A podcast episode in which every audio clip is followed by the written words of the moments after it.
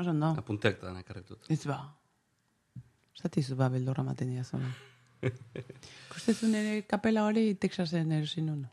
Bai? Bai, Noiz? boi nola hilabete batzuk. Montaje bat egitea joan ginen. Cowboy... Erosin nun dena. Cowboy botak, kapela, e, uritako gauza bat, bueno, pak osoa. Parisen bizidak aurko anfitrioia. Kauboi botak ditu, sarrerako armairuan, eta kimono bildumatxo bat ere bai logelako pertseroan. Moda maite du, eta batez ere modak kontatzen dituen sekretu, kontu eta historia. Horregatik da Pale Galiera museoko zuzendaria. Miren Arzaiuzek bere Pariseko etxeko ateak zabaldu dizkigu.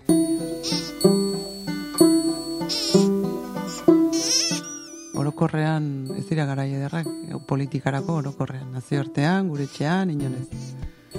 Baina, bueno, ez du, esperantzara nola esaten zuen ba... Kon, kondenatua. kondenatuak. Bai. Barruan gaude.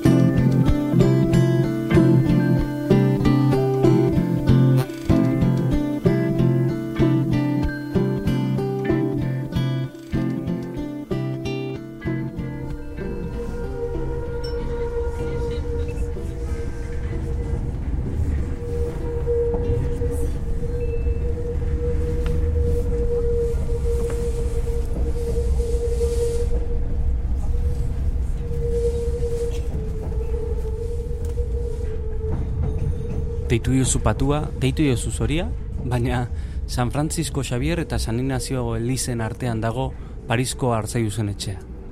Txinako enbaixada haundima haundiaren albo batera.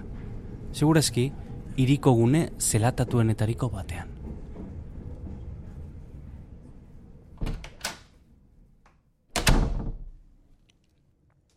Hogeita margarren amarkadak txoratzen du miren. Eta etxera sartu eta segituan ikusi daiteke, aulkietan, mahaian, sofan. Parisen, Pari, Parisen bizizea, bai? Parisen bizi naiz. Eta Parisen bizi zehala esatezunean, bai, ematen du, ez? Ba, oso glamuroso eta gaina desiragarria bezala, ez? Baina ez da hain eh, hain erresa. Ez, ez da. Bueno, Paris hiri ederra da. Eta hori ja, bueno, bada esperientzia Bai. oso ederra hemen bizitzea, baina honea etorren naiz lan egitea, eta gainera erronka handi bati aurre egitera, eta, bueno, oso pozin dago, amets profesionala da, baino gogorra da. Mm. Ni gogoan ekan elkarrizketa betok esan dizu jalen, baina gogoa eta respetua. Errespetua ez. Biak, biak. Baiez, baiez, biak, biak esaten un jo, eze gogo, mirenekin hitz egiteko, baina gero, ostras, ba, alturan behar da. Ez da. Egon isirik. Ke ba? Ze, Ez dautzen dauzuta. bai, Ba, ez hemen altura berezirik ez da hola. Bueno, txinako embajadan ondoan bizitzea ez da donoren. Aurrez aurre. Ez, baina, esan nahi dute, Parisa etorri eta, eta komentatu izan diazu hori lehenengo urteneko gorra, ez? Bai, bueno, intensoa lan asko behar izan dut, tokian kokatu, irian kokatu, bizitza, bueno, ba, zure bizitza moldatu, eta, ba, bueno, aldaketa intensoak izaten dira, orduan, bueno, gogorrak eta ederrak, ederrak bezain gogorrak izaten dira momentu hauek, eta orduan, ba, bueno, ba, No- Nola iritsi zitzaizun e, pale galieran lan egiteko e, Hori izan zen, nahiko prozesu normala nahi esan. Ez zan ustekabez etorri iritsi izan gauzan bat. Izan zen, bueno, nire, nire aurretik zegon zuzendariak erabaki zuen museo uztea, orduan atera zuten, bueno, berak gainera jakinera zidan laguna zelako, Bai. baina momentuan enun pentsatu ere zaigin, e, ba, bueno, ba, e, postu be- bat bezala nahi esan, ni etxeparen egon, e, Bai. etxeparen institutuan, eta oso pozin nengoen, erronka oso ederra zan, etx, etxera bueltatuta, nahi desan, porque ur- urte askoan hemen da ibili naiz, donostian bizinitzan, oso ondo. Orduan, eta gainera, bueno, ba, Frantziako museo publiko baten zuzendari izateko aukera nuen ikan ez nuen pentsatzen ere. Orduan, ez ez zitzaidan pasatu ez ere. ez da, ez da osoikoa gaina, ez? Ez, ez, E, ez da. normalean, irakurri danagatik, zuzendariak ere ba, e, postu fijo aukitzen dute, funtzionarioak izaten dira. Bai, normalean, eh, bai, eh, konkurso publiko bat pasatzen dute, eta em, ba, nola ditzen da, konservadoreak dira, da titulo bat, eta postu bat administrazioaren baitan. Eta ez baldin bazera, ba, pasatu behar duzu beste prozesu, beste prozesu bat ministeritzan. Ke kasu honetan, museoa udaletxeiko museo bat da, edo udaletxearen pean dago museo bat da, baina hala ere, nola konservadorea ez naizen, hau da, funtzionarioa ez naizen, ba, ministeritzan beste froga gogortxu bat pasatu behar izan nuen. Ze gauza bada Paris etortza oporretan o e, bisitan, eta gauza da lan egitea, hemen. Bai, horregaitik jendeekin. izan da erronka handia. Mm. Da azken batean egin behar dituzu, ba, bueno, administrazioaren baitan, udaletxearen baitan, da gero beste museo batzukin, beste erakunde batzukin, e, ba, bueno, bilerak eta proiektuak da, da, bueno, ba, hortarako, ba, frantxezez, Mhm. behar zen, normala denez. Baina bai, baina hori izan da, beste erronka bat urte honetan, ba, frantxezan menperatzea. Ematen du anekdotikoa, baino Ja. agian izan da gogorrena. Bai, Agian bai, izan da hizkuntza gogorrena. Maila gabe, bai. baten, e, ba, bueno, ba, adiez, nahi dezuna adierazteko kapaz izatea Bai. ematen du anekdotikoa, baina ez da. Ez da, ez da, gaina hizkuntza bat, ez? Ez ez unen, ez palin badezu menperatzen, Bai. e, e, hortan naizenean tentel itxura eman dezakezu, ez? Bai, Osea, bada gauza bat, sentitzen duzu, alde batetik an, sentitzen duzu, bueno, zara vulnerable, eta bestetik an oso simple. Eta, klar, zu nahi duzu horrelako, ez, erronka bati aurre egiteko, ba, maila eman, eta sentitzen zea, ba, ba hori, ba, ba, etzea, etzea la iristen. Baina, bueno, ba, hori ere pasatu dugu. Eta Parisen, ba, galieran sartuta, ez? Bai, Eta bai, agian e, horren bitartez ba, moda munduarekin kontaktu asko duzu. Bai, Eta tartean bai, bai. ezautuko zenitun, e, jende interesgarri asko ezautuko zenuke. bai, oso interesgarria. Denetarik, eh? Modan Bai. ere beste gauza guztietan bestela, bezala... Interesgarria eta gero interesgarriak ez hain eta interesgarriak. Baina bai, jente interesgarria eta euskaldunak baita. Bai. Eta adibidez, ba, ba, iritsi nintzanean ezagutu nuen eh, Chanel etxeko etxe handiko presidentea, moda presidentea, eta izena du Bruno Pavlovski, eta euskalduna. Bera berez, baionan sortu zen, eta askotan juten da, familian du. No- Nola, eh, nola, nola jakintzen nuen Euskalduna. Berak esan zidan.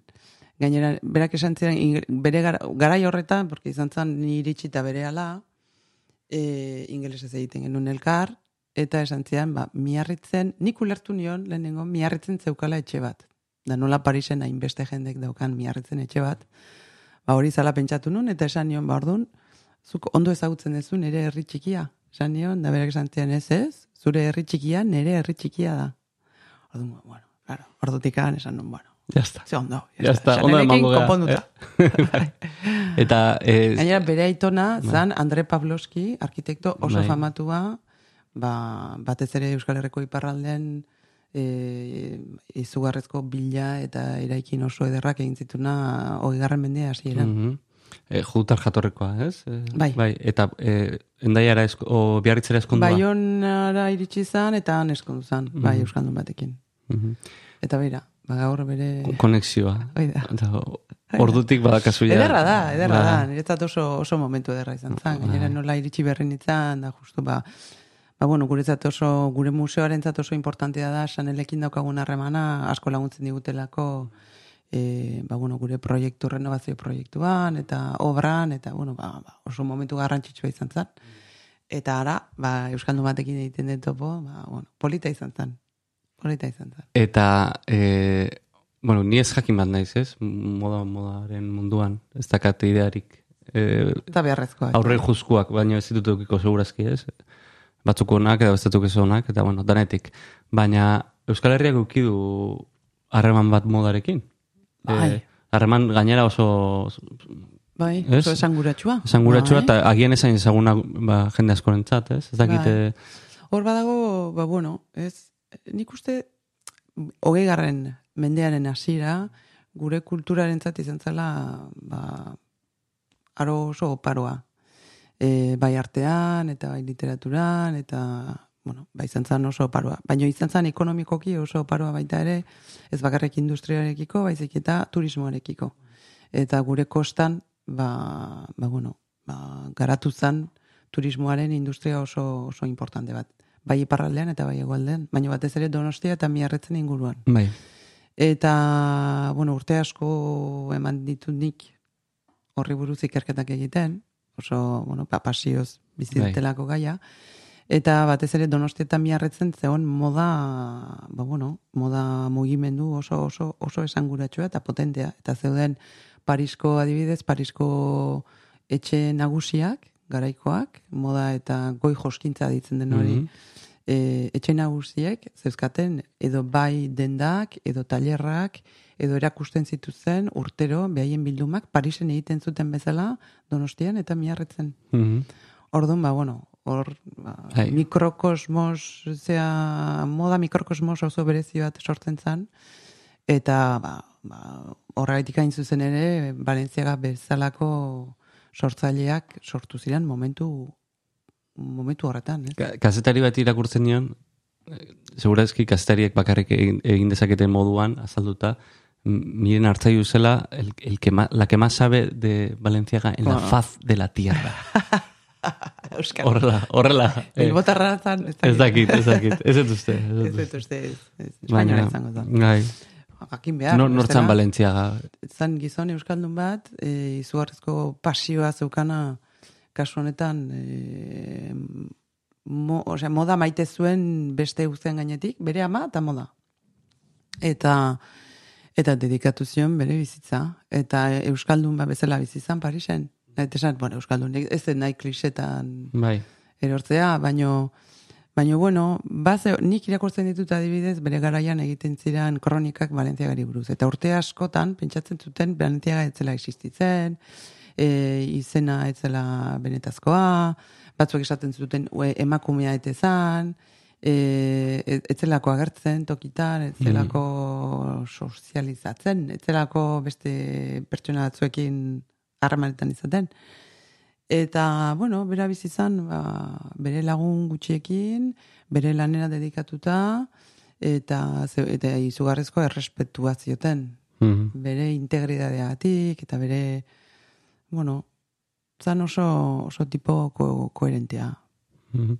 Nundik iritsi, iritsi zen miren hartzaiuz modara? modara eh? Ba, bera, bai, hau askotan esaten diate, porque normalean ni bezalako jendeak du oso historio ederra, ez? Ba, nire amonak erakutsi zidan, ez da zer, ba, ni, nik ez. Eta esan, guk etxean, ba ez, nahi esan ez egun moda bizi izan bereziki. E, aitak esaten zidan, bueno, zure amonak egiten zuen, jos, e, jos, e, josi egiten zuen, Bai. da, bueno, ondo josten zuen, da, modista zen, da, handikan etorreko zaizu, baina nik amonakin ez harremanik izan. Orduan, izan zen, batez ere intelektualagoa. E, Londresen nengoela, ni no, no, politika, nazioarteko politika nenbilen, Bai. Londresera horretako jo nintzen, ikastera, eta lan egitera, eta nazioarteko Bai. politikan aritu nintzen. Eta egun baten, ba, deskubritu nuen, beste lagun baten bitartez, moda, ez moda, artearen historian master bat. Eta master horretan, zeuden espezializazio ezberdinak, eta horietako bat zen modaren historia. Eta hasi nintzen, ba, edukiak begiratzen, eta gaia begiratzen, eta, bueno, batxun dituta gelditu nintzen, da izan zen, Esango izut, Berehalako- e, e, esango izut e, nola jazten naizen da, zuk esango dizu nolakoa naizen. Hori egin dezakezu jende... Be, ez be- hain garbia, nahi esan, Nei impresionatu zian pila bat, e, kuadroai, kuadro bat datatzea e, ah, e, janskerari Claro, erreparatu. Bai, bai. Hori askotan egiten dugu. Etortzen zaizkigu, ba, historia, nahi arte historiadoreak eta komisarioak eta museoko jendea, ezagitenean ziur e, zein, hori, noiz egin dan mm, kuadro zehatz bat, ba, soineko e, edo jantziari esker, batzutan, ba, egin dezakegu. Bai, bai, bai. Asmatu dezakezute. Bai, bai, bai, bai, bai, asmatu dezakegu. Baita nahiko, bai, Osea, nahiko ziurtasun, zera, zehaztasun handikin. Eta gaur egun hori, e, norbait jantzen den moduarekin asmatu daiteke e, Batzutan bai, baina ez hain, nahi dut esan, ezin dugu hainbesteko simplifikatu ez da, ere? Jendeak bere izaera edo bere identidadea era askotara erakusten du, eta ez bakarrik jantzen duenaren bai. e, bitartez, ez? Baina, bueno, orokorrean esan dezakegu. Baina jende askok erabiltzen du jantzkera edo jantzia adibidez izkutatzeko. Eta kasu horretan, e, ez dakizu, ez da justu kontrakoa da. Ez da bere izaeraren isladapena, baizik eta kontrakoa, despistatu egin nahi zaitu, eta hori askotan gertatzen da. Orduan, bueno, ba, neurri baten bai, baino ez beti. Komplexuagoa da hori baino. Mhm. Baina oso oso interesgarria dela dudarik gabe. Nola bizituzu e, gaur egungo garaiak, garai bizkor hauek, e, dana horren bizkor konsumitzen dugun garaiok, e, zarean e, konektatuta bizi garen garaiok, nola, Bai. nola bizitu mirenek? Ba, nahiko ez triste, baina angustiakin, eta esan, e, ez zait naturala iruditzen e, orain dara magun ritmoa. Ezertarako ez, ez zait iruditzen ona denikan. Ez no- norberarentzat eta ez da ezarrentzat ez da ere. Ez e, gizarterantzat ez da ere. Baina, bueno, ez du ematen horrek e, ez dakit beste erritmo bat hartuko duenikan, ez du ematen. Eta gehiagora goazela ematen du, teknologiak lagunduta, batez ere. Nik zintzazio dukat, be, bueno, belaunaldi bat dagola, ez, e, haien zurea, edo gurea, edo hor tartean, zubi lana egiten, e, zubi lana egitea tokatu zaiona, ez? Bai. Alegia, gure gurasoen garaia, ba, garaia analogikoa, zan, ez? Mm. Eta guri tokatu zaigu, e, aro digitalera zubilana egin, eta eta eziketa hori, ez? Mm. Eta gure txikia ja aro digitalean buru belarri bizi dira. Ez, ez dute ezagutzen analogikoa, eta ez dute ezagutuko. Ez, ez, ez. Eta hori da aldaketa nahiko nabarmen, nabarmena, Bai, bai. ez? Baina ikusi beharko dugu aldaketa horrek zer eragina duen mm, nahi esan mentalidadean. Edo, mund, edo munduari nola behiratzen dioten, zer egin duen horrek ez. Oaindik ez dakigu. Eta artean, nik eta, eta, dauzkat, eta danean, eh? Txikia dira oaindikan, baina Bai. Mundua beste era batera ikusiko dute, edo sentituko dute, edo behaiek beste era batera kokatuko dira. Mm. Ez, eta e, eragina duka hori ar- artean ere bai, eta gaur egun, e, bueno, adierazpide berriak sortuko dira hortik, Ah. derrigorrez, teknologiak beti baldintzatu bai. du. Eta gero, e, lehen aipatzen genuna, Baldintzatu edo lagundu, nahi esan. baina segurazki ho- hogei garren mendean edo emeretzi garren mendean janskera ikusi eta baita ere asmatuko zenuke italiarra den ala, ala Batzutan bai. ez? Batzutan Bai, ongo dira bai. zantzu batzuk. Bai, bai, bai. bai. Baina gaur egun ere, Gaur egun- ez da, ja, ez. globalizazio nekin, e, Topatzen dira beti daude nabardurak. Beti daude nabardurak. Eta kulturakoitzak topatzen du bere modua gauzak moldatzeko. E, ematen du momentuan oso zaila izaten da. Nabardura horiek ikustea, baino perspektiba historikoakin ikusten dira. Adibidez, beira, gizonezko modan, beti esan izan da, emeretzi garren mendeak, mendean, emezortzi garren mendean, gizonezko eta emakumezko moda oso antzekoa zen. bai. Nahi esan, apaindura ba, oso nabarmena zen bientan. Eta Bai. biek eramaten zituzten takoiak eta makillajea eta pelukak eta horrela gauzak. Hori simplifikatzeko, eh? baina. Eta beti esan izan da, emeretzi garren mendean, ba, bueno, e, reulu- e, iraultza industrialarekin, eta bueno, e, burgesiaren ba, etorrerakin edo emergentziakin, ez dakit nola esan, gizonezkoek uko intziotela modari. Eta uniformatu intziela, emeretzi garren mendean. Eta hori horrela izan da, egia da, baina jende asko pentsatu izan du, ba, emeretzi garren mendetik hone arte, ja, ez dauka inbesteko interesik gizonezkoen modak, ez dauka bilakara berezirik, ez dauka evoluzio berezirik, eta ez, ez dugu zertan e, ikasi edo, edo, edo, ez dakit, ikusi behar, edo Bai, ikertu behar. bai. Baino ez.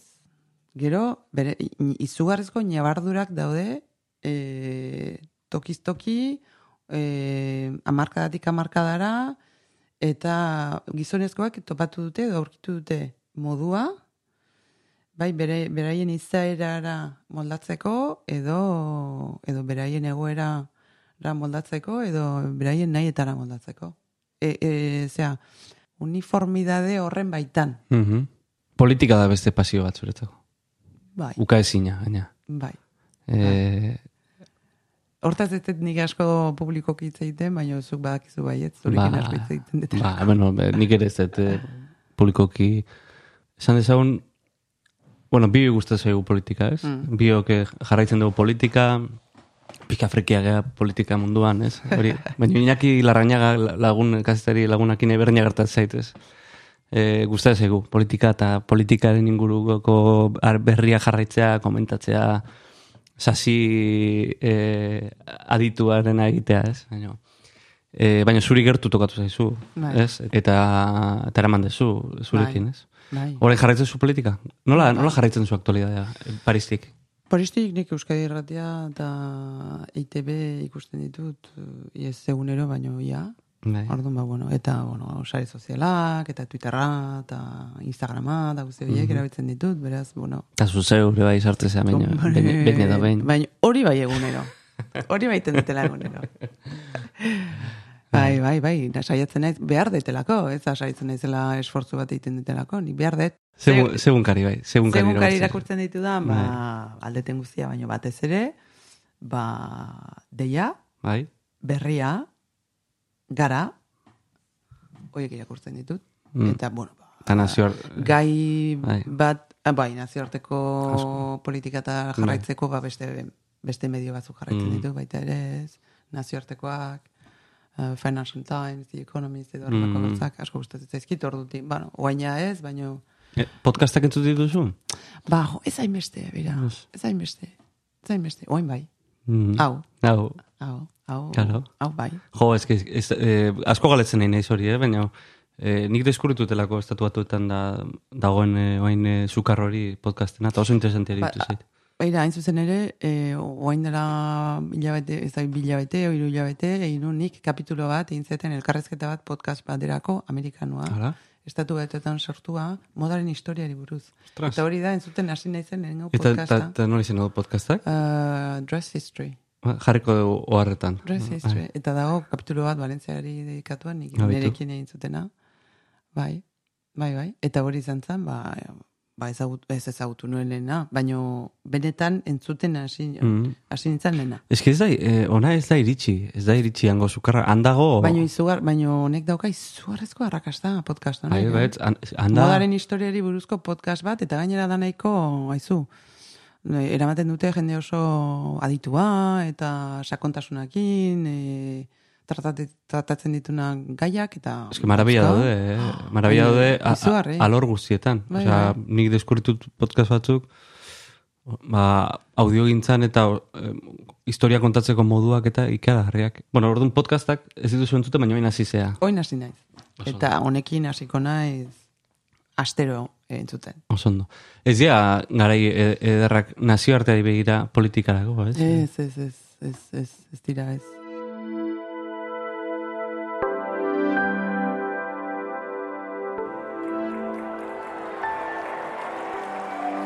Face à l'extrémisme. Je sais nos désaccords, je les respecterai, mais je serai fidèle à cet engagement pris. Je protégerai. The economy is roaring. The ISIS caliphate is defeated 100%.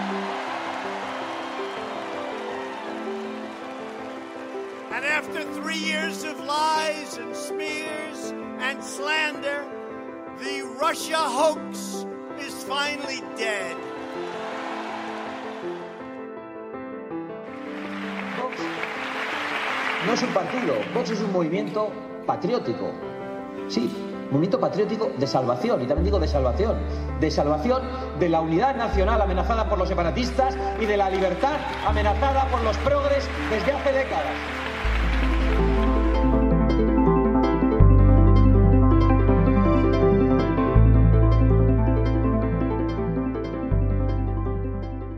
Orokorrean ez dira garai ederrak, politikarako orokorrean, nazioartean, gure etxean, inonez.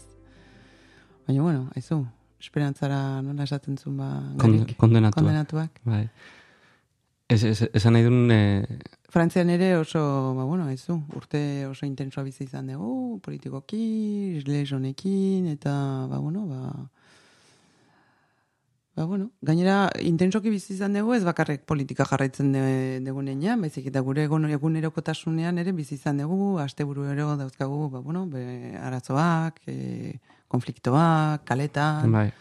E, entzuleak jakin dezan, gaur larun bata da, eta eta itxi dizkigute ez dakizeman metro... bai, bai. Bai, Eta horrela da larun batero, bai, larun batero. bai. Eta, eta gero, ba, e, etxea, etxera itzulita ez, e, nork esango luke, e, e, etak e, bere jarduna amaitu, e, de- desegin, eta egoera hontan egongo ginatekenik, ez? E, hola, bare, bare ez, eh, ez dakit nola azaldu, holako... Bai, ba, bai. E, nik ez nuke pentsatuko. Baino, hasieran nik bentzait pentsatzen nuen, ba, gure herriak behartzula denbora arna sartzeko, ez?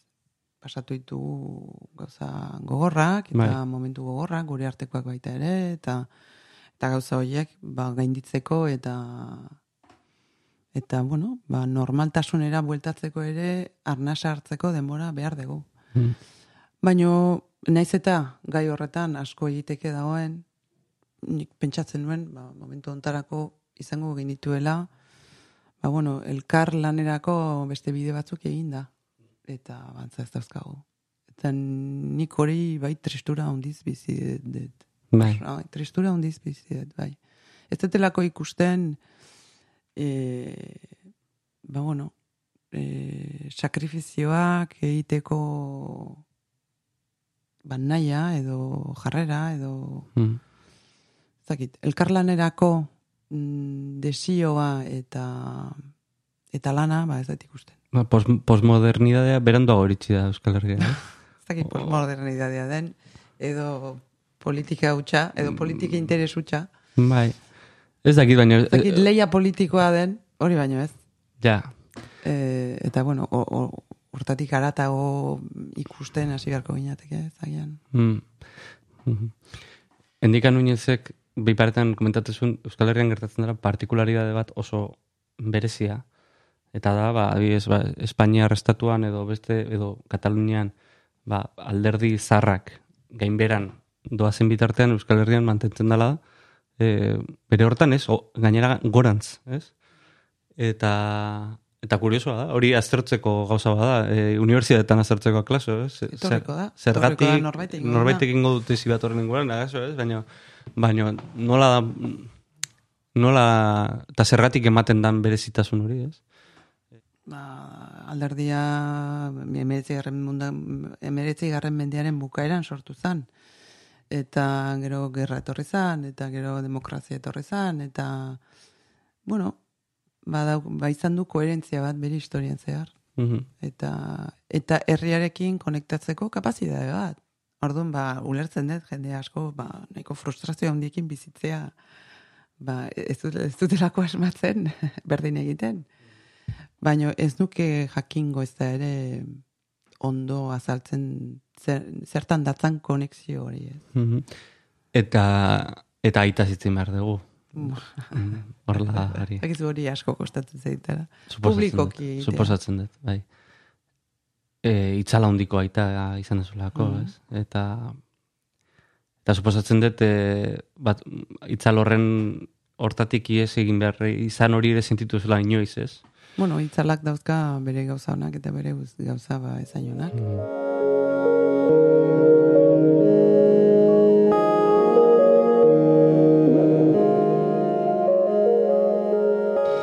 Política es el arte de afrontar los problemas desde el punto de vista de los intereses de unos y otros sectores de la sociedad. Y eso es lo que intentamos hacer. Nosotros somos vascos, solo vascos, nacionalistas vascos. Miramos básicamente a Euskadi y no es que no nos interesen otras cosas. Lo nuestro es arreglar los problemas de aquí, buscar nuestro autogobierno, seguir adelante hasta conseguir que nadie esté encima nuestro y que nosotros, este pueblo, sea dueño de sí mismo en ejercicio. Pacte con el que tenga que pactar, esté con quien tenga que estar en Europa o fuera de Europa, según su conveniencia y sobre todo su voluntad.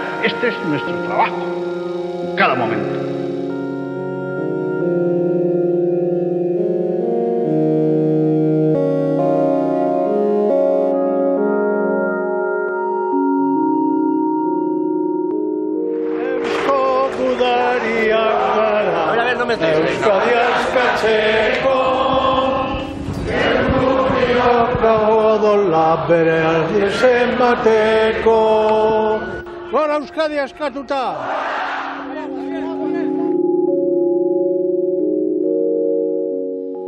Gertitzen dena da, karo, eh, hitz egiten baldin badegu Xabier Artzailuz eh, politikariari buruz, baina Xabier Artzailuz nire aita zen. Miren aita. Claro. Bai. Eta aita gisa izan da, ba, aita zoragarri bat. Mm. Zoragarri, zoragarri bat. Adibidez begira, leno modari buruz hitzeten Bai. genuen, eta zergaitik eta nola iritsi nirean nintzen ni modara. Eta egia da, nik modarekin zuzenean enuela zerarik, loturarik, baino historiarekin bai. Eta guri aitak ba, eman zigun edo pasatu zigun edo ba, historiarekiko pasio hori ez. Eta txikitatik izan dut. Eta bera, viajetan da asko juten zan, kanpora, lanagatik, eta konferentzitara, eta gauzetara, eta beti etortzen zen zerbaitekin etxera, beti, beti, beti. Niri, be, be askotan juten zan museotara, asko gustatu zitzaion.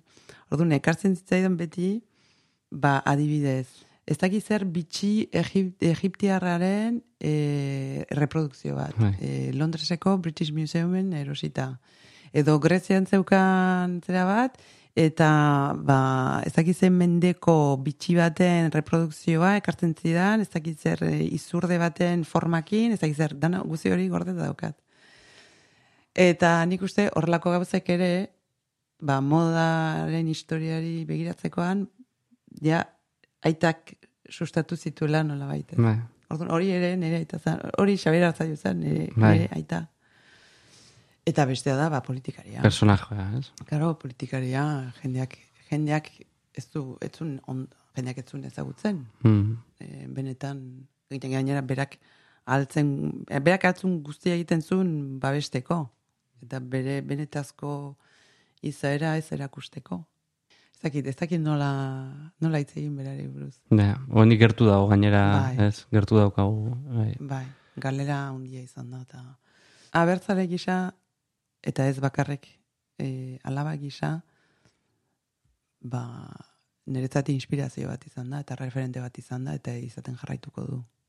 Claro, nik gero pertsona gisa oso ondo ezagutzen nuen, Mm. eta horrek asko laguntzen du, nahi dut esan, nik badakit berak zein, zein aurreko konpromesoa zeukan herriakin, eta zer eman zion herriari. Eta zein integredadeekin eta zintzotasunakin jokatu zuen beti. Eta zein, eta zenbait hartu zuen bere gain Mm. hori aurrera emateko. Eta, bueno, ba, aizu, ez da, ez da biztea arresa izan. Eta, bueno, ba, hori batzutan, seguraski jendeak ez du beti ikusten, eta gero, ba, bueno, ba, klasifikatu egiten dute, eta, eta egia esan orain idatzi izan diran artikuluen artean, ba, batzuk, ba, a ber, Espainian idatzi dienak, Mm. Niri bosta sola, benetan. Gainera, nahiko ia arrotasunez bizitzen ditut horrelako e, erreakzioak, zeren esan nahi du naiz eta aitak, guain dala ezakitzen bat urteia retiratu zen, oraindik zerbait ordezkatzen zuen. Hau da, ez da bera pertsonaren kontrako atakeak dira, ezin zutelako, hau da, berak zerbait gehiago ordezkatzen zuten eta eta ideia hor hori atakatzen dute, ez, ez pertsona. Orduan hori arrotasunez bizi dut. Gero etxekoak ja, en fin, hori beste gauza bat da. Bai. Aro aldaketa zitzen dugu, eh, aro aldaketa zentzu mm, eh, soziologiko baten igual, baita politiko baten, eta eh, zure aita bezalako politikariak gutxi gelitzen dira, espadia, gelitzen balin badia, ez? Esan nahi dute, bada, bada joe, aita da zan animali politiko bat, ez? Bai. Eta gainera ordezkatzen du ez bakarrikan e, ba, sektore bat edo ez bakarrik e, Euskal Herriaren ikuspegi bat ordezkatzen du baita ere politikai ulertzeko modu bat, ez? Gaur egun ez dana ez dana ez dana inarrexa topatzen, ez? Olako ez? Politika zainetan daraman jendea. E, Gertatzen dena da politika oso gogorra da. Oso gogorra. Eta nolabaiteko rol bat hartzea os, ordonetako gorragoa da. Nahi izan de, ba bueno, politikoki nola esaten da, ba, politikoki korrektoak ez diren gauzak esatea, behin eta berriro, eta aurre egitea, eta gauzak sorbaldetan eramatea, hau da, kalkulo personala ez egitea, hori da zailena. Hori da zailena. Eta gainera gaur, ba, sare sozialekin, eta, ba, bueno, gure e, zera, era digital honetan, nik uste are gogorragoa dela. Nik konturatzen ez orain ez, baserio sozialak eta twitterrak eta eta pentsatzen dut eskerrak, eskerrak, ni alaba gisa, eskerrak aita aktibo zegoenean, hau ez zela existitzen. Porque hau gainean eramatea, ja, titularrak, ja, pisutsuak zean, ba, pentsatu Twitterrak, eta, eta, zeak, eta Bai. sare sozialak, eta... Hor, gaitasuna behar da baita ere desenfokatzeko. Bai, hombre, nik uste berak berdin-berdin eramako lukela, baino nik ez, Mm, nik ez. bai, Nik alaba gisa, seguraski ez nukela, bai. osea, okerrago eramango lukela. Interesatzen zait baita be alde hori, ez? E, badakite ambito pribatua da, ez? Baina baina politikariaren zuk ezautuzu beste ikuspu, ikuspegi bat oso jende gutxik ezagutzen duena, ez? Eta da, baina personajea kanpoan gelditzen denean, ez? Hori adidez, e, ba, azkenengo pelikula egiten, e, bueno, azkenengo le- lehenengo pelikula egiten. Nik ere hori beste esparru baten, baina antzeko zerbait bilatzen duen, ez? E, Kontatzea, normalean musikari baten gandik ezagutzen ez teguna, ez? Ez dana ikusten eh, zenatokietan, ez dana ikusten jendeari, jendaurrean, ez? Baina hor da ona. ez? Izebergaren, izebergarekin konparatzen genuen, ez? Azken guk ikusten dugu punta, baina gero danok bizi behar ditugu goita lau ordu, ez? Zureitak ere bai. E, e, nolakoa da e, e, ba, olako e, politikari baten bizitza?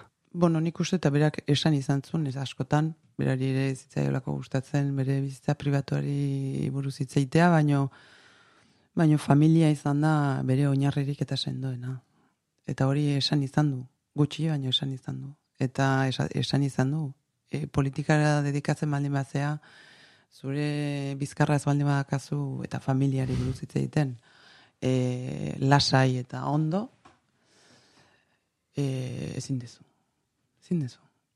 Eta hori zan, oinarria gure etxean familia zan. Eta gainera berak asko babesten zuen. Gutxitan ikusiko zu baita bere familiari buruz hitz egiten. Mm. Eta asko, asko, asko babesten zuen familia. Eta, eta ez bakarrik gu ere babesten gintuen politikatik.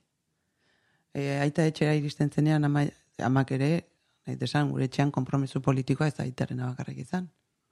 Biena izan da. Ama, amaren papelare oso garrantzitsua. Biena izan da, eta oso, oso, nahi desan, amarena ere oso, oso garrantzitsua izan da. Eta gainera berak askotan kontatzen zuen aitak, eh? E, behin e, Juana Juriagarrak eta Luis Maria Retolazak proposatu ziotenean ba, iruro eta maika izango zen, e, alderdira dedikatzea, hau da, alderdirako lan egitea, ja, ez zuen iruro eta maika uste, e, ezkon berri zeon, ama eta aita, ezkon berri zeuden, eta, eta, eta erantzun zien, nik ezin dizuet horrelako erantzun bat eman nire emazteakin konsultatu gabe, eta, eta las egin zuen, eta amak esan zion baietz. Eta arasa izan zen, da gero, eh, Juanek eta Luis Marik esan ziren, uh, hori izan zenuenean, pentsatzen genuen, hau ez dugu berriro ikusten. Porque antza askotan gertatzen zen. Bai. Orduan, bueno, kompromisoa ez da bakarrik berarena, denena da. Ah, gero pisua berak eramaten zuen hori argi dago. Baina guk adibidez, e, ni gero ezagutu izan ditut.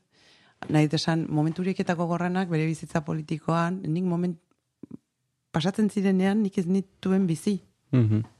Eta ez dut nahi nire nahi eta nire aizparen izenean itzei nahi, baina mm. beraiek egiten zuten, altzuten dena guk hori ez sentitzeko, edo estresik ez ikusteko, edo eta eta oain, gogora, oain konturatzen naiz, ez, i- alderdiaren historia, edo, edo erreiaren historia ezagututa, zein momentu latzak pasatu zituzten, eta zein gutxi e, guk e, sentitu genuen.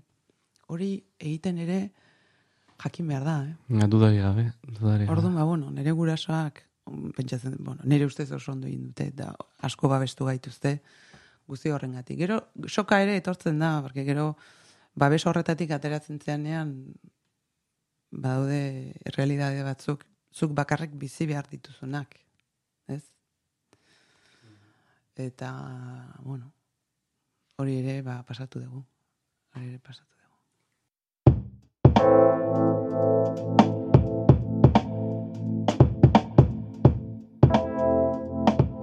Zuzeu podcast. Zure hizkuntzan mintzo diren istorioak.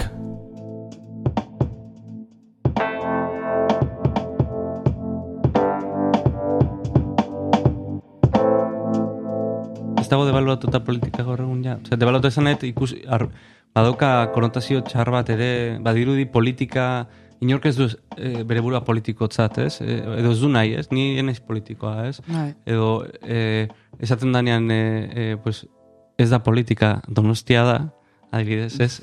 Hor dago, baina karga negatiba hor dago. Bai. Politika, gauza negatiba bezala Bai, bai. planteatzea, eta ez, Nik ez dut horrela bizi. Argi dago, ez? Politika beharrezkoa da, eta politika denean dago, ez? Dago bakarrik esan, zina. politika deitzen dugun horretan. Politika enpresa munduan dago, e, sindikatuetan dago, gure egunerokotasunean politika edonon dago. Baina, eh, eta egongo da, ezin, da, ezin dalako hori gabe bizi. Ja. Da, da harreman sozialetan eta gizarte baten ematen harremanetan, har- ba, hori dana gorpuzten duen zerbait da, ez? Mm, Esentziala hori gabe ez, ez dago... Ez, baina ni, a ber, ni ase- nik ulertzen dut jendearen aserrea, ulertzen dut politikarekiko eta politikariekiko, nik ulertzen dut, ulertzen dut gehiagikeriak, ba, gehiagikeriak dirala, eta ezin zaiola bestera batera deitu. Baina hipokresia puntu bat ere somatzen dio jendeari. Mm. E, a ber, nor den, nor dagoen prest, horrelako prezio bat ordaintzeko, horrelako konpromesu bat hartzeko, e, e, publikoki zure burua, e, ba bueno, ba, e, adirazteko, e, oso vulne- vulnerablea zera, eta edo nork esaten du, esan dezake edo zer gauza, zuri buruz, eta gaina jende askok sinistuko du. Bai. Eta gainera medioek izugarrizko e, ez, bazutan medioak ere ez dute lan oso e, zintzua egiten, ez da ere, orduan, oso, oso mundu horra da, eta gero gustatuko litzaidaken neri jende guztiak pasatzea integridadearen e, prueba dela algodon hori, eh? Bo- Boterean zaudenean, gustatuko litzaidake ikustea jendeak nola Mm. exigentzi moral hori bakoitzak pasatuko luke pro, froga hori. Orduan, karo, nik beste aldea ezagutu izan dudanez, eta oaindikan ere lagun asko ditut politikan mm, diardutenak, eta, ba- eta ondo ezagutzen ditudanak, eta izugarrezko konpromesuakin bizi dienak, eta ez da erresa. Horrela, horrelako, zakit, horrela, alako, ez, era harinean hitz egitea politikariei buruz, ba, niri pixka mina ematen dit. Mina ematen dit. Hori ez da oso, oso kula esatea hori. E, Oen kula eta guaia da ba, politikarien kontra eta politika kuestionatzea eta politika. Eta modu berre, politika egiteko modu berriak, eta guzti hori, hori da, oain modan dauna, ez? Baino, gauza batzutan moda ez da, ez da, ez da, ez da ere, ez, konbenigarriena. Eta, a ber, miren, itzul gaitezen Parisea. A ber, Paris, bai. Paris eta orain. Eh? Paris, Eh, Paris eta moda, eta orain. ah, bai. Laizter eh, irikiko ez ez? Eh, bueno, Bai. i, oendikan ez dago data zehatzik, baina... Bai, printzipioz bu- urte honen bukaeran edo urren urtearen hasieran irekiko dugu. Mm. Bai. Eta eh, zerbait prestatu zuen? Eh, Ba, prestatzen ari gea eta oraindik ezin dugu esan. Pena, pena. Baina esaten dugu, kon, komentatuko dizut, Bai, al bezain pronto, oso ondo, baina irekiko dugu erakusketa temporala handi batekin. un dia. Oso handia eta oso ederra. Baina oraindik ezin dut esan zeri buruz izango den. Eta gero behin erakusketa hori bukatzean, aurkeztuko dugu mm, galeria berrietan, ze hortarako egiten ari gera obra handi hau, e, galeria berrietan aurkeztuko dugu ba, gure bildumaren bitartez modaren historia bat. Hau da, moda aurkeztuko dugu, emezortzi garren mendetikan, gaur arte, gure bildumaren bitartez. Eta hori izango da, ez permanentean, nahi esan moda erakusketetan, ez hau ezer ez permanenterik, e, ba, batez ere moda, era, moda bildumak dialako oso, oso delikatuak eta konservazio aldetikan ba, ba, bueno, ba, limitazio asko dauzkagu. Eta rotazioak egin behar ditugu, piezak aldatu behar ditugu sei hilabetero edo hiru hilabetero kasu batzutan, beste batzutan amabi hilabetero, baino oso kontrolatuta izaten da e, erakusketa denbora hori eta eta bueno, ba, be, etengabe aldatzen ibiliko gea erakusketa permanente ez den permanente hori, ez? Eta en, ba, Euskaldun batentzat ez, animatuko dana etortzera, Mhm. zer topatuko du galieran? E, Ba, museo, ba, bar, Parisko musik ederrena. baina, esan nahi dut, moda museo bat Ez. nolakoa da? Nola, nola e, bizi, nola man bizitza e, e, ba, janskere, janskere, e, Moda eta hori da niri gustatzen zaidana modari buruz da ba, alderdi askotatik bere, begiratu dezakegula. Hau da, modari buruz itzen dezakezu, eta moda eta emakumei buruz, edo, edo emakumeen historiari buruz, edo moda eta politika, edo moda eta soziologia, edo moda eta psikologia. E, adibidez orain prestatzen ari gera eta nola museoa itxita dagoen, beste museo baten antolatuko dugu, hau da, guk ekoizten dugu, baino beste museo baten e, erakutsiko dugu, Museo Bordelen, eta da e, modaren bizkarra. Hau da, moda bizkarrez ikusita. Eta, eta da baita ere erakusketa e, e, historiko bat, mezortzi garren mendean hasten da, eta gaur arte, eta e, soineko guztiak ikusiko ditugu bizkarretik. Eta bizkarrari buruz hitz egitekoan egin dezakezu, ba, bueno, ba, e, azalpen estetiko bat, nola sortzaileek bizkarra erabili duten ba, espresio ezakit, e, toki gisa, edo badauka komponenti psikologiko oso importante bat baita ez, bai, bizkarra, eta nola bizi dugun gure bizkarra, eta nola ze percepzio dugun biz, gure bizkarrarena. ez dugu ikusten. Ez dugu sekule ikusten, ez vulnerable gauden. Bueno, ba, oso interesgarria da, moda zein era ezberdinetan irakurri edo azaldu dezakezun. Eta hori egiteko asmoa daukagu. Orduan, modaren historia kontatzea, ez da bakarrik siluetaren evoluzioa esplikatzea, baizik eta hor, ba, alderdi, eh, ezakit, bilakara teknikoa, eh, Materialak. E, Claro, teknikoki Bai. egin dezakezu, estetiko artistikoki ere hitz egin dezakezu, politikoki, soziologikoki ere egin dezakezu. Hori oso interesantea da. Ordu, horregatik mm, bizidundik pasioz moda. Ez e, zarjantziko e, dudanak e, asko preocupatzen dagoelako, Mhm. baizik eta, edo bai, baita ere, Bai. baino ez bakarrik horregatikan. Nik arazoa dakat jantzeko erekin. Ez dut, nire amak borroka botatzen zian, e, ba, gaizki kombinatzen ditulako gauzak edo, edo zua mantu nahi ziolako nire erropa batzu. Baina orain ere, ez, ez dakit ez dut asmatzen. Beti zaizkit Ah. zuzentzen. Beti, No, ados. Ez dator bat. No, nahi bortza jola dit, eh? Eta igual hori da nire, nire Hoi da, baino... footprinta. Hoi da. Ez que, e, bosta jola dit esaten dezunean, erabaki bat hartzen dezu. Net esan, Bueno, bosta jola dit, baina gero, eh, a ber... Eh, baino ez. baino Ni ez. Ziur naiz, ez ez. Ba, egia esango dizut, oain inoiz, oain inoiz baino gehiago bosta jola dit, baina egia da... Bueno, ba, badaude bai- baita ere momentuak, E- bizitzan. egia da bosta jola horretan, bakoitzaren- bosta jola horretan ez du kentzen, ba, ispilura behiratzen nahi zendik, eta ez du da nik behiratzen aber galtza batzuk ondo dauzkadan, batez ere komodo, eta, eta ondo dauzkan, ala ez, baina... Baina guk egunero gure e, irudiari buruz pentsatzen ditugun, baino erabaki gehiago hartzen ditugu. Baina ez gara konstienteak. Tu esnatzen zeago izen eta jantzi bertzea. Erabakiak hartzen dituzu. Eta erabaki horiek arrazoi batzuen hartzen dituzu. Ezan, bosta jola zait, edo ez. Bai, bai. Baina, nahi desan, Bai. Gaur adibidez, galtza... Eh, oier txandalean txa- etorri zait. Bai. Etxera. Txandal, tra, tra, trapero bat bezala Ni ere ez dago oso elegante gaur. eh. Baina, bueno. Trap musika entzutezu? Zin musika? Trap musika. Ez, ez da? Hau kendu behar duzu, porque... Ez, ez, bo, lagako dut. Eh, Zer da trap musika? Hain modan dago, ez dakit, nik ez den zuten, eh? Ideik ez. Ez den zuten, baina... Baina ez dakit- ez dakit zer den. Ba, da, hola, ba, ez dut bakizu zer dan, bakizu zer dan. Igual entzuten badet. Bakizu zer dan, oain dago supermodan, mundu guztian jarri da modan, ez dakit. Nik ez- uste zu, nik moda ez moda dut- guztiak ez ditu Ez jarri. ez nik ez entzuten, eh? Osa, iritsi zait, ba, mundu guztian daule dako sonatzen, eh? Baina, e, zetan gana eta jende hau dana, ez dakit. Oso millennial da hori, ere, da, Claro, jende eske, dago. ni, eske zartzen ari naiz, bakizu. Bai. Hori, sekula. Ze musika entzutezu? Ze musika jo, ba, denetarik, egia esan nik, egia esan ez daukat izugarrizko musika ezagutza. Nahi esan, ba, nire pasioak eta beste toki bat, batzutik joan izan dira beti. Mm. E, musika pasioz bizi dut, baino ezagutza hondik gabe. Mm.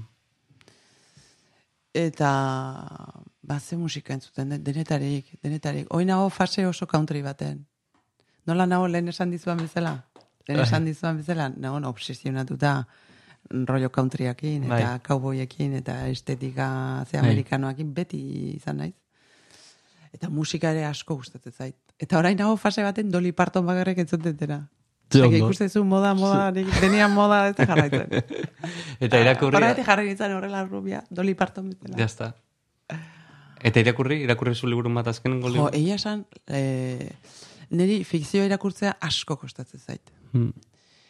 Hori da, historia dere guztien, bazaki, tara. Hmm. Eta, eta fikzioa ez eta apenas ira- irakurtzen. Orduan, historia liburuak, ba, dauzkat pila, hemen gutxi batzu dauzkat, gehienak aita tamaren etxean utzita dauzkat, eta gero bulegoan beste hainbat, baino gehienak historia, historia liburuak dira. Ez bakarrek moda historia liburuak, baino orokorrean historia liburuak. Et politika baita ere, baino gutxio. Benetan historia e, hori Bai, batez arnazten duzu. Bai. Bai. Nire eskurtze historia baita. Bai. bai. Eta, Gero pena ematen dit, eh? Ze fikzioa, eh, bueno, ba, gauza izugarri interesgarriak eta aberasgarriak daude irakurtzeko, ez? Baino, ez bakoitza badauzka bere, bere ahuldadeak. bai, bai. Egingo izu galdera bat amaitzeko. Galdera txar bat. A ber, Os txar bat, hola. Eta da... Eh, sorprende, eh? ze- desi, esan desira bat eh, daukazuna amendik, Desia ba... amendik aurrera begira bai. Aurrera begiratuta. Baina nire bizitza profesionala, Ez dizut jarriko, personala... ez dizut, horretik da aldera txarra, ez dizut jarriko Mm. eh, mugarik. Baina horrekin mukatuko dugu elkarrizketa. Ba, desio bat, ba, baina... Ze, karo. Horretik, esan zu, Niri buruz edo... galdera txarra da, esan dizut. Jo, eske, horrorosoa da. Zuk aukeratzen zu. Horrorosoa da. Ginda bat utzi behar dezu Eske ez politikari buruz hitz egiten eh, bukatu nahi. Oso ondo. Porque si no. Azkona obsesa. Ba, desio bat personala. Urte batzutan, etxera bueltatzea, pasioz bizi dudan nau egiteko. Ez dakit ondo esan da dagoen. Etxera bueltatzea pasio duzun eh, zerbait egiteko. Ez, uh, ez dakit nola esan. Ez dakit nola esan. Etxera bueltatu nahi dut hori bai. Bai. Fal- Faltan daukat. Mm. Eta sartzen ari naiz eta somatzen dut eta ber, benetan esate dizut, eh? Sar- Sartzen ari naiz eren gero eta gehiago behar dut Mhm. e, etxean egotea. Herri mina gero eta hundiagoa da. Etxe- Etxea da Bilbo. Ba, bo, bo, bosta sola, eh? Etxea da Euskal Herria. e, etxea da Euskal Herria. Niri Bilbon, Donostian, Bai. miarritzen bizitzea, igual Mm. zait. Igual zait. Gainera, behin kanpoan bizi izan zarenean, etxeko distantziak ez dira distantziak. Dena da, gu- gure herri txikia hiri bat da. Hiri handi bat. Orduan, a ber, nire desioa da etxera bueltatzea.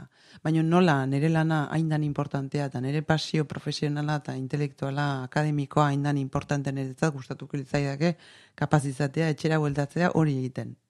Era batera edo bestera pasio hori ba bueno, ba gauzatzeko kapaza izaten. Mm. Orduan dena nahi dut. bueno, Eskerrik asko, Miren. eskarrik asko zuri. Plazerra izan da. Niretzate bai, hemen e, e, txinatarrek mikrofonorik ez bai jarri. ba. Nik uste txinatarrak daukatela ja, Bai. zera, eskan, e, aurpei, nire aurpegiaren eskan. Ezagutuko zaituzte. Bai. E, badakiten hortzean. Hemen ni eta nire etxe honetako guztiak.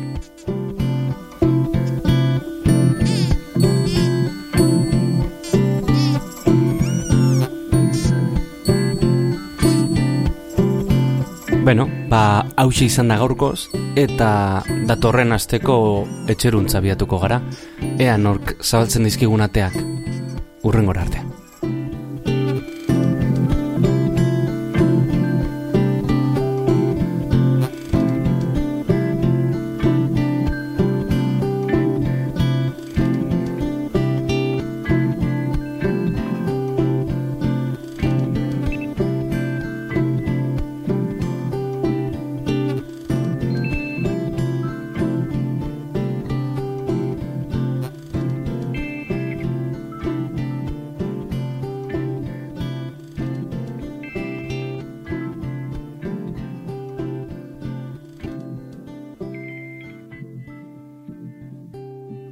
Edo zein plataformatan entzun dezakezu zuzeu podcast. Spotify, Apple Podcasten, Google Podcasten, eta plataformaren batean espalima gaude, idatzi podcast abildua zuzeu.eus elbidera.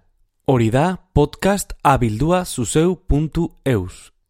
Eta segidan igoko dugu plataforma horretara ere gure edukia. Eskerrik asko eta hurren arte.